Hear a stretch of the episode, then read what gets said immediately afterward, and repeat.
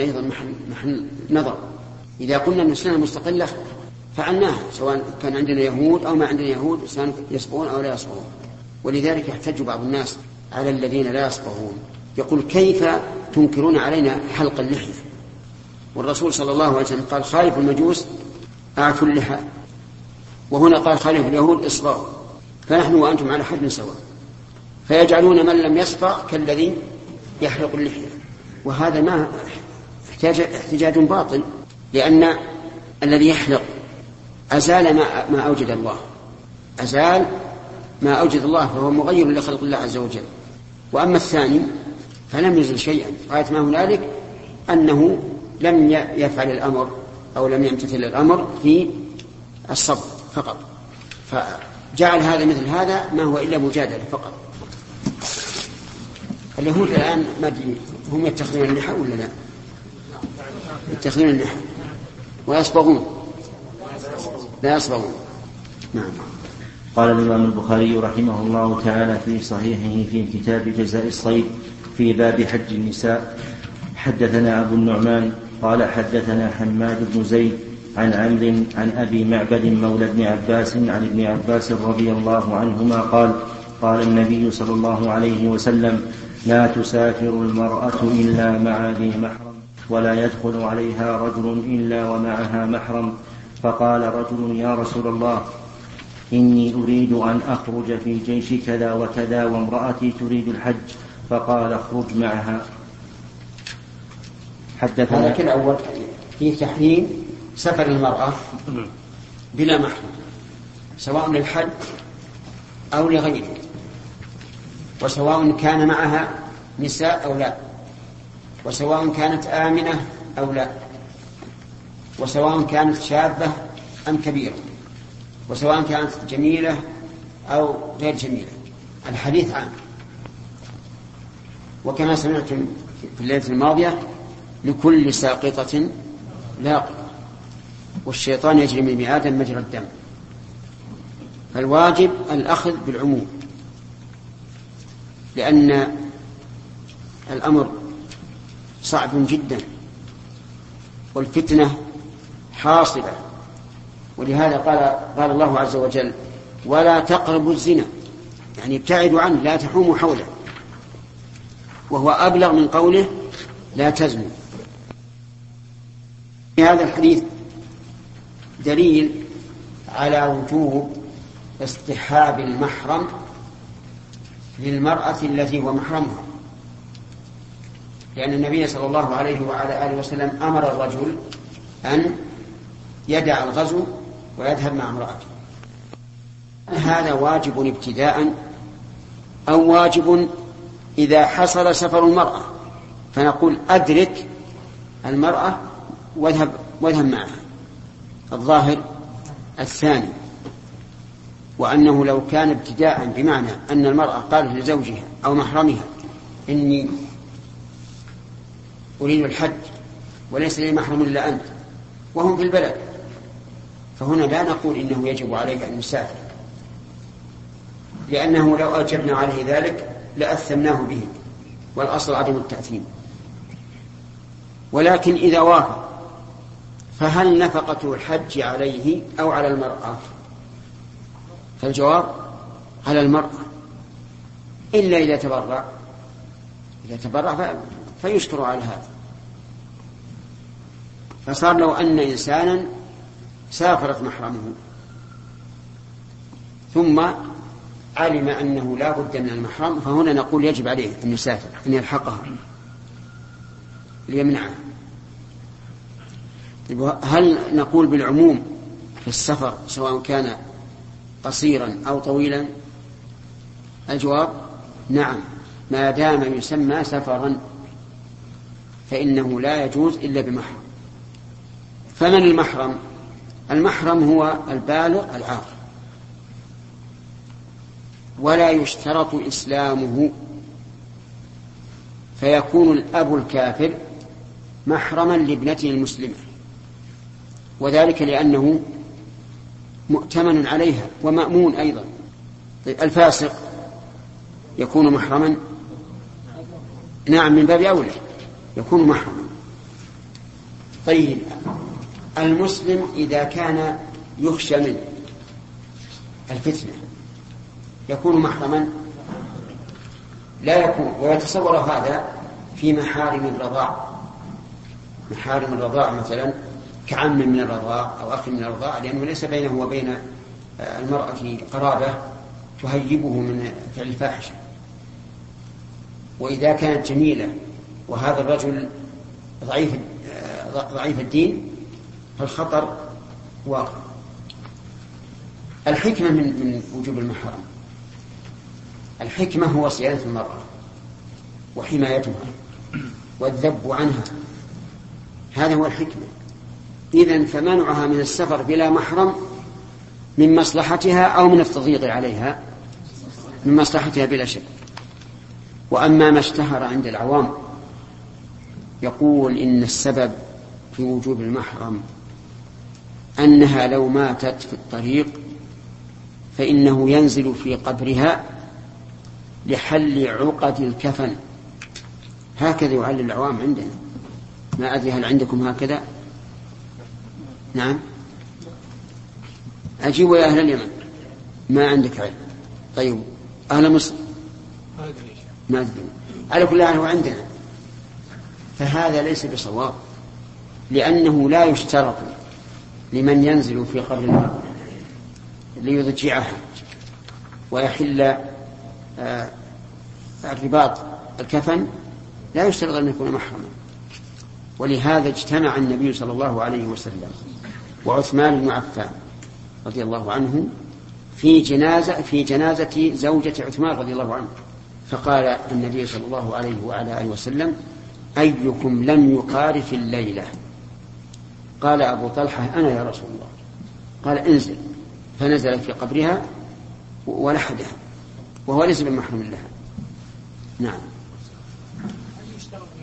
يشترط أن يكون بالغا عاقلا. نعم. بالنسبة للمسلمات إذا كان محرمها كافر كيف قضية الحج؟ لا. في الحج ما يمكن. لأن الكافر لا يمكن يدخل الحرم. يعني يعتبر هذا عذر شرعي فلا يعني يسقط عن فرضية الحج؟ إي نعم. وهنا سؤال هل وجود المحرم شرط للوجوب أو شرط للأداء؟ الصحيح أنه شرط للوجوب وأن المرأة إذا لم تجد محرما فهي كالمرأة التي لم تجد مالا. ولا فرق. وقال بعض أهل العلم إنه من شروط الأداء. وأنه إذا لم تجد محرما وجب عليه الحج فتنيب من يحج عنها. نعم. حدثنا عبدان قال أخبرنا يزيد بن زريع قال أخبرنا حبيب بن المعلم عن عطاء عن ابن عباس رضي الله عنهما قال لما رجع النبي صلى الله عليه وسلم من حجته قال لأم سنان الأنصارية ما منعك من الحج؟ قالت أبو فلان تعني زوجها. كان له ناضحان حج على أحدهما والآخر يسقي أرضا لنا. قال فإن عمرة في رمضان تقضي حجة معي. رواه ابن جريج عن عطاء قال سمعت ابن عباس رضي الله عنهما عن النبي صلى الله عليه وسلم. وقال عبيد الله عن عبد الكريم عن عطاء عن جابر رضي الله عنه عن النبي صلى الله عليه وسلم. شرح الحديث. يقول وقد تقدم وتقدم الحديث مشروحا في باب عمرة في رمضان. سبق. إيه لكن ما قرأنا. ما قرأنا الشرح. ليس في هذا في المجلد في المجلد اللي قبل هذا. آه المجلد اللي قبل هذا. العيني يقول مطابقته للترجمة تؤخذ من قوله ما منعك من الحج فإنه يدل على أن النساء على أن للنساء أن يحججن والترجمة في حج النساء والحديث قد مضى في أوائل باب العمرة في باب عمرة في رمضان.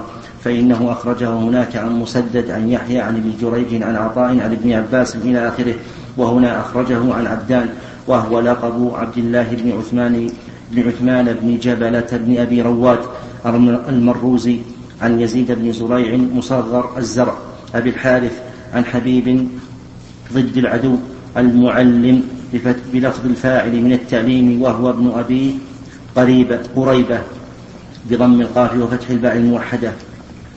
اسمان لا لا فقه الحديث ها؟ ما قال الحافظ رحمه الله تعالى قوله لامرأة من الأنصار سماها ابن عباس فنسيت اسمها. القائل نسيت اسمها ابن جريج بخلاف ما يتبادر إلى الذهن من أن القائل عطاء. وإنما قلت ذلك لأن المصنف أخرج الحديث في باب حج النساء من طريق حبيب المعلم عن عطاء فسماها ولفظه لما رجع النبي صلى الله عليه وسلم من حجته. قال لأم سنان الأنصارية ما منعك من الحج؟ الحديث. ويحتمل أن عطاء كان ناسيا لاسمها لما حدث به ابن جريج وذاكرا له لما حدث به حبيبا. وقد خلفه يعقوب بن عطاء فرواه عن أبيه عن ابن عباس قال جاءت أم سليم إلى رسول الله صلى الله عليه وسلم فقالت حج أبو طلحة وابنه وتركاني فقال يا أم سليم عمرة في رمضان تعدل حجة معي. أخرجه ابن حبان وتابعه محمد بن أخرجه ابن حبان. نعم. وتابعه محمد بن عبد الرحمن ابن أبي, ابن أبي ليلى عن عطاء أخرجه ابن أبي شيبة وتابعهما معتل الجزري لكن خالف في الإسناد.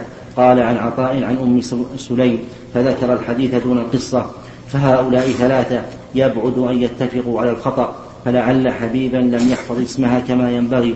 لكن رواه أحمد بن منيع في مسنده بإسناد صحيح عن سعيد بن جبير عن امرأة من الأنصار يقال, له يقال لها أم سنان.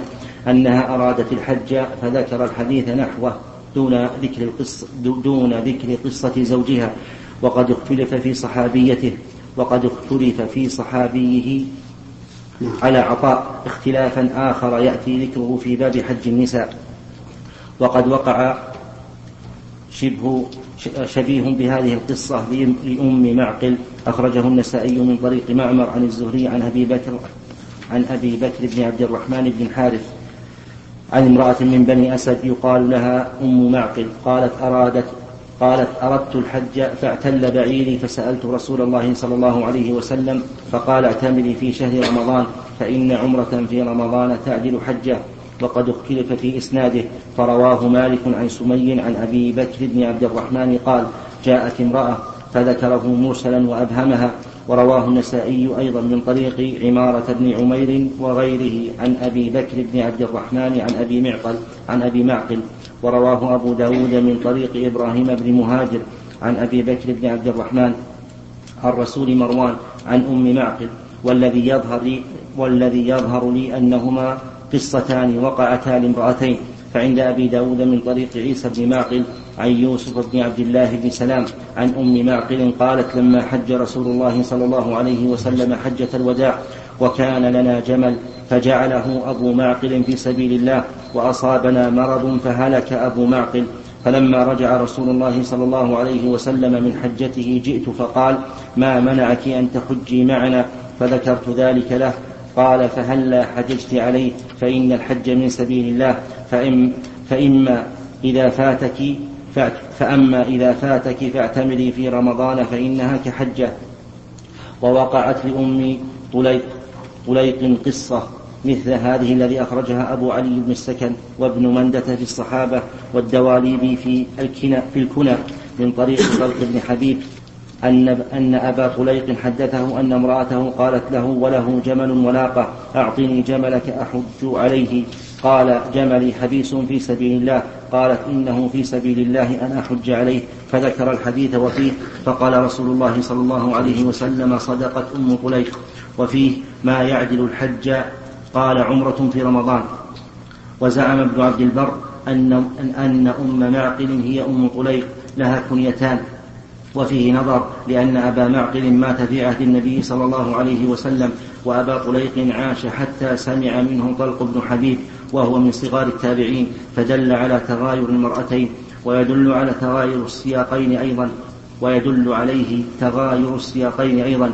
ولا معدل عن تفسير المبهمة في حديث ابن عباس بأنها أم سنان أو أم سليم لما في القصة التي في حديث ابن عباس من التغاير للقصة التي في حديث غيره. ولقوله في حديث ابن عباس إنها أنصارية وأما أم معقل فإنها أسدية. ووقعت لأم الهيثم أيضا والله أعلم. قوله تكلم على باقي قوله أن تحجي في رواية كريمة والأصيل أن تحجين بزيادة النون وهي لغة. قوله ناضح بضاد معجمة ثم مهملة أي بعير. قال ابن بطال الناضح البعير أو الثور أو الحمار الذي يستقى عليه. لكن المراد به هنا البعير. لتصريحه في رواية بكر بن عبد الله المزني عن ابن عباس في رواية أبي داود بكونه جملا وفي رواية حبيب المذكورة وكان, لا وكان لنا ناضحان وهي أبين وفي رواية مسلم من طريق حبيب كان لأبي فلان زوجها. قوله وابنه إن كانت هي أم سنان فيحتمل أن يكون اسم فيحتمل أن يكون اسم ابنها سنانا. وإن كانت هي أم سليم فلم يكن لها يوم يومئذ ابن يمكن أن يحج سوى أنس. وعلى هذا فنسبته إلى أبي طلحة بكونه ابنه مجازا. قوله ننضح عليه بكسر الضاد. قوله فإذا كان رمضان بالرفع وكان تامة وفي رواية الكشميهني فإذا كان في رمضان. قوله فإن عمرة في رمضان حجة. وفي رواية مسلم فإن عمرة فيه تعدل حجة. ولعل هذا هو هو السبب في قول المصنف أو نحو مما قال.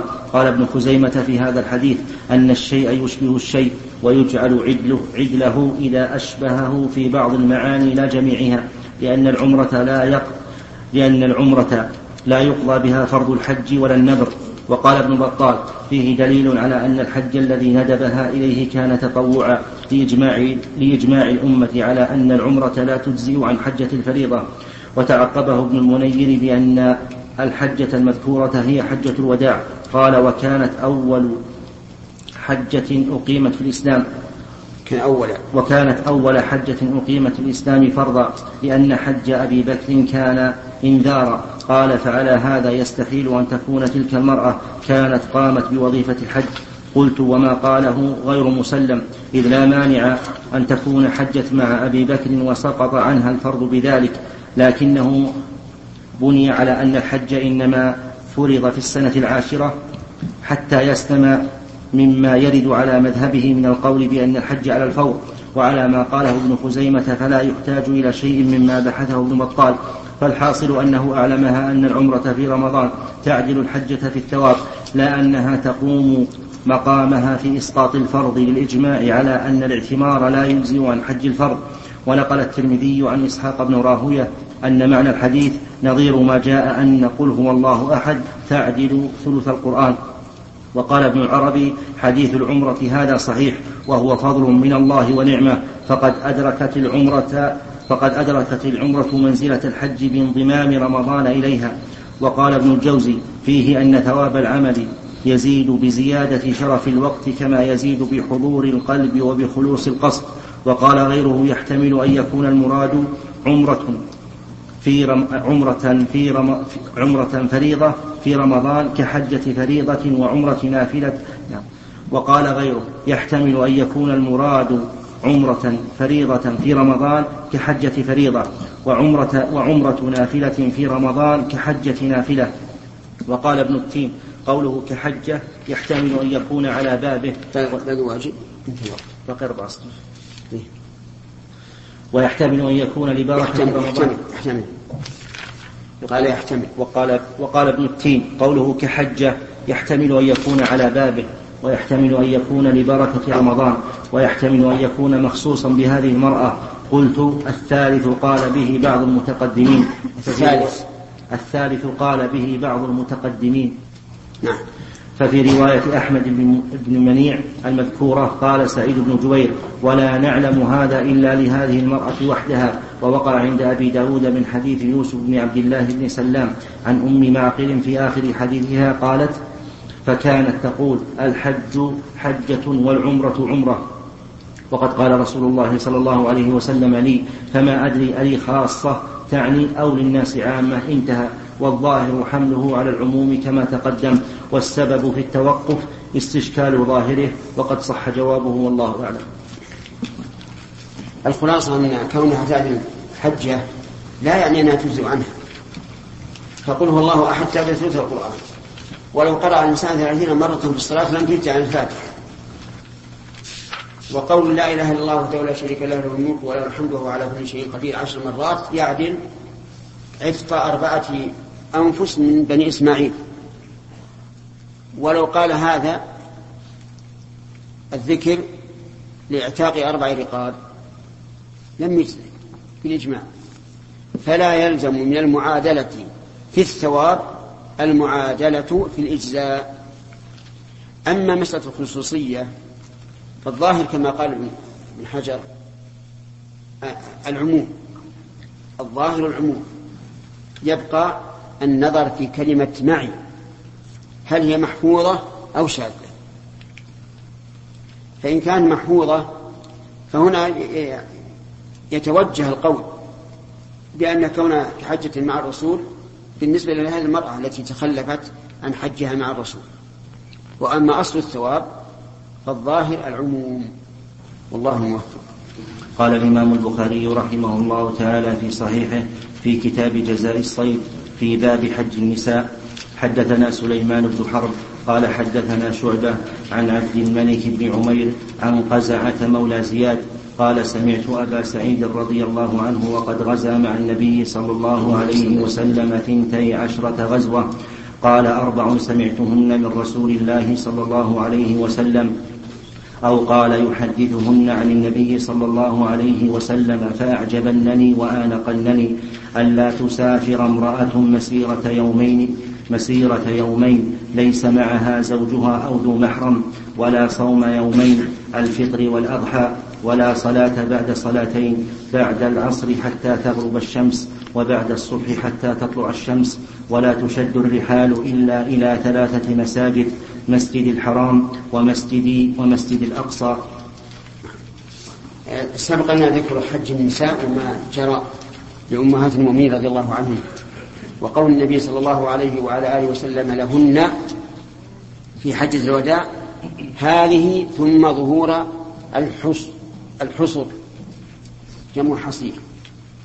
والحديث هذا صحيح وجيد. وذكر لي بعض الأخوة البارحة أن الشيخ عبد العزيز رحمه الله ضعفه من الذي قال هذا؟ من؟ خالد الصاوي الصايغ آه. أين وجدت هذا؟ موجود شيخ في تعليق على الموطأ على إيش؟ على الموطأ اي موجود عندي ماذا قال؟ قال الحديث غير صحيح والله هذا غريب لكن العلماء السابقين صحوه موجود عندي. نعم. آتي به. كيف؟ آتي به. كيف؟ قلت تريد آتي به. كلامه يعني؟ لا إن شاء الله الثقة. وهذا خبر ديني يكتفى به بخبر الواحد. لكن على كل حال هذا الشيء حديث معروف ومشهور. صح. حافظ. نعم. صح. ها؟ الحافظ بن حجر نعم يقول وروى أبو داود وأحمد من طريق أبي واقد ابن أبي واقد الليثي عن أبيه ثم قال وإسناد حديث أبي واقد صحيح. ورأيت العلماء السابقين صححوا هو شيخ طولي عليه بحث نعم. طولي عليه بحث كامل. نعم. ثم ذكر بحث من من الطلبة. على كل حال المسألة الآن يعني فيها خلاف. وإذا قال أحد عن شيء أنه صحيح أو ضعيف فلا بد من دليل. الحديث اللي معنا الآن يقول أن لا تسافر امرأة مسيرة مسيرة يومين ليس معها زوجها أو ذو محرم أو أو ذو محرم. سبق الكلام على هذا. وبينا أن الأحاديث المقيدة اختلف التقييد فيها. قال العلماء وهذا يدل على أن القيد غير مراد وإنما هي حسب أسئلة السائل. الثاني يقول ولا صوم ولا صوم يومين الفطر والأضحى. يعني عيد الفطر وعيد الأضحى صومه محرم بالإجماع. حتى ولو كان عن نذر لو نذر أن يصوم يوم الاثنين فصادف يوم النحر. فإنه لا يصوم. ولو كان متمتعا ولم يجد الهدي وصام ثلاثة أيام في الحج يوم النحر فإنه لا يجوز. وكذلك يقال في صوم عيد الفطر. فإذا قال قائل ما الحكمة في هذا؟ قلنا الحكمة لأن النبي صلى الله عليه وسلم نهى عن ذلك. وكفى بها حكمة. وذكر بعض العلماء أن الناس في هذين اليومين ضيوف الله عز وجل. وأنهم لا وأنه لا ينبغي أن يدعوا هذه الضيافة فيمسكوا عن الأكل والشرب. فإن كان هذا حقا فهو حق وإلا فالواجب أن يقال إن هذا مما يقتصر فيه على النص. ولا صلاة بعد صلاتين بعد العصر حتى تغرب الشمس وبعد الفجر وبعد الصبح حتى تطلع الشمس. بعد العصر إلى أن تغرب الشمس ما في صلاة. والمراد صلاة العصر لا وقتها. وهذا يختلف.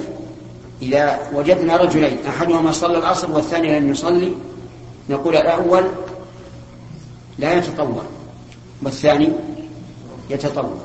لأن الحكم مقيد بالصلاة. كذلك بعد الفجر حتى تطلع الشمس وقد جاءت السنة بأن هذا يمتد إلى أن به عقيدة رمح وهذا أيضا المعتبر في صلاة الفجر. فلو فرض أن شخصا تطوع بعد أذان الفجر وقبل الصلاة فلا بأس. لكن الأفضل أن لا يتطوع بشيء إلا سنة الفجر. ويخففها أيضا كما جاء هذا عن النبي صلى الله عليه وعلى آله وسلم. وهذا وهذا الإطلاق مقيد بما إذا لم يكن لصلاة النفل سبب. فإن كان لها سبب صليت بوجود سببها. مثل تحية المسجد سنة الوضوء الكسوف. على رأي جمهور العلماء أنه ليس بواجب. فكل صلاة لها سبب من النوافل فلا نهي عنها. وهذا مذهب الشافعي رحمه الله وإحدى الروايتين عن أحمد واختيار شيخ الإسلام ابن تيمية رحمه الله وشيخنا عبد الرحمن بن سعد. وهو الصواب. بعد ذلك ولا تشد الرحال إلا إلى ثلاث مساجد مسجد الحرام ومسجدي ومسجد الأقصى. لا تشد الرحال أي لا يسافر. وكن بذلك عن السفر سواء شددت الرحال أو ذهبت في سيارة أو في طيارة. لا تشد الرحال إلى أي مسجد إلا المساجد الثلاث فقط. فلا تشد الرحال إلى مسجد قباء مثلا لأنه ليس من المساجد الثلاث. ولا تشد الرحال إلى أي مسجد في مكة سوى المسجد الحرام. ولذلك تميز بكون الصلاة فيه بمئة ألف صلاة لأن تشد إليه الرحال طيب إذا قال قائل لو شددت الرحل إلى مسجد لطلب العلم فيه لأن فيه لأن فيه درس علم أو لأن خطيبه مؤثر في خطبته فهل يدخل في هذا النهي أو لا يدخل؟ الجواب لا لأنك لم تشد الرحل إلى المسجد إنما شددته إلى إلى ما يلقى في المسجد. ولذلك لو فرض أنه عدم الخطيب المؤثر أو درس العلم لم تشد الرحل إليه. هل يؤخذ من هذا تحريم شد الرحل لزيارة القبور؟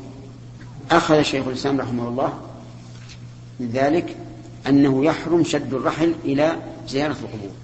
وقال إن شاد الرحل إلى زيارة القبور. قد شده إلى مكان تقربا إلى الله عز وجل. قد شده إلى مكان يتقرب إلى الله تعالى بهذا السفر. وهذا بدعة. فيدخل في النهي. وما قاله رحمه الله هو الصواب. ولهذا نقول إذا أردت أن تسافر إلى المدينة فانوي بالسفر شد الرحل إلى المسجد. ثم بعد ذلك تزور قبر النبي صلى الله عليه وسلم وقبر صاحبيه وما تسن زيارته. نعم. عندنا كبار رؤوس المبتدعه يبطلون الاستدلال بهذا الحديث على منع زيارة القبور ويقولون أن ليس فيه ذكر القبر ابدا. إنما هو يعني من شد النهي فيه لمن شد الرحل إلى مسجد غير هذه المساجد. نعم. وأما القبور فيستدلون بان النبي صلى الله عليه وسلم استأذن ربه بأن يزور قبر أمه فأذن له. نعم. ومثل هذا لا, لا يرد عليه هذا الحديث يعني يشوشون على الناس نعم، نعم. كلام الحق. نعم. فمثل هذه الشبهة كيف تدفع؟ من بعد أن كل شد يوصل به التقرب الله إلى مكان معين فهو داخل ولو نظرنا إلى إلى إلى ظاهر اللفظ لا تشد الرحال إلا إلى المساجد لقلنا أن النهي عن شد الرحال إلى المساجد غير الثلاث. لكننا إذا أخذنا بالقياس والمعنى صار لا فرق بين أن تشده إلى مسجد من المساجد أو إلى بقعة ترى أنها مباركة أو ما أشبه ذلك. ما هو صحيح؟ وهل الرسول عليه, الصلاة والسلام شد الرحل إلى إلى أمه؟ قد يكون شد الرحل أو استأذنه في الطريق إلى إلى مكة؟ ما ندري. نعم هارون. شيخ إذا صلى الإنسان صلاة العصر مثلا ثم قال له آخر صلي معي حتى نحصل على فضل الجماعة. فهل هذا ذات سبب؟ أي نعم. يعني لو صلى العصر ثم دخل آخر وقام يصلي معه يتصدق عليه. فهذا جائز. له سبب. وليد. نفس السؤال طيب. سليم. لما استدل يا شيخ بزيارة القبور على على نهي الرسول على نهي الرسول صلى الله عليه وسلم. الشيخ اللي قلنا إن نهى الرسول صلى الله عليه وسلم عن زيارة العباد عن زيارة المساجد وهي يقصد فيها عبادة الله وحده. ولا فيها سبب يعني من الأسباب إنها وسيله من الوسائل إنها لمعنى الشرك. والقبور هي هي المعروفه هي قصد قصد التبرك مع العالم. كيف نقيس هذا على ذلك؟ أي نعم. هذا أيضا وجه. نقول إذا كان النبي صلى الله عليه وسلم نهى عن شد الرحال إلى المساجد مع أنها أماكن العبادة. اقلب الشريط من فضلك.